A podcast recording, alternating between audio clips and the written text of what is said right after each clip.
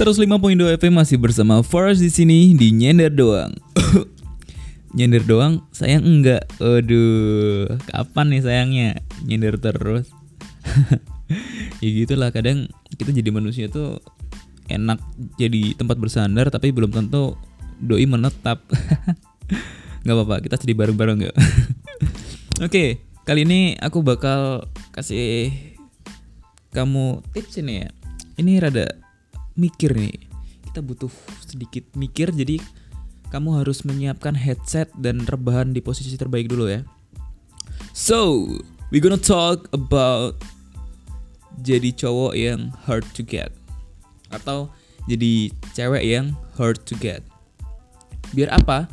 Jadi kalau kita jadi cowok atau cewek yang nggak mudah didapetin tuh kita bisa tahu dia itu se berjuang apa sih buat dapetin kita? Kayak gitu loh. Ya tapi jangan terlalu susah kalau seandainya dia mulai uh, mulai menyerah gitu ya. Ya udah kita jangan terlalu susah-susah lah ya. Dan seenggaknya kita tahu dulu oh kamu segitu ya berjuangnya. Oke okay, oke okay, nah gitu. Jadi selain itu jadi cowok yang hard to get atau cewek yang hard to get itu kamu nggak mudah luluh. Jadi digombalin ini itu lah gombal tuh udah apa ya itu bukan zamannya lagi dah. Itu zaman zaman anak SMP dah itu dah. SMP SMA masih worth it lah.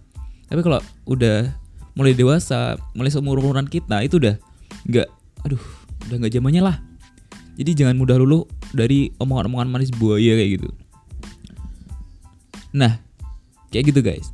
Yang kedua hmm nggak mandang fisik yang keterlaluan ya jadi kamu tuh kalau lihat cewek atau cowok yang fisiknya bagus, casingnya bagus, kalau semisal dideketin, ya udah, hayu, gitu. Jangan, jangan, jangan. Kita pahami dulu, kita kenali dulu. Ini ini gimana sih? Ini gimana orangnya? Kayak gitu. Jadi jangan tertipu dengan casingnya dulu, alright? Nah itu ya. Dan yang ketiga, jangan mudah jatuh cinta. Ini nih, yang sering dilakuin sama teman-teman akhir-akhir ini. Jadi kamu tuh buru-buru pengen punya ada yang menyayangi, pengen punya pacar like that atau pengen punya crush. Nah, jadi kamu buru-buru jatuh cinta dan terlalu mudah untuk jatuh di dalamnya. Karena kalau mudah jatuh cinta, bisa aja kamu itu mudah untuk terlepas dari cinta itu.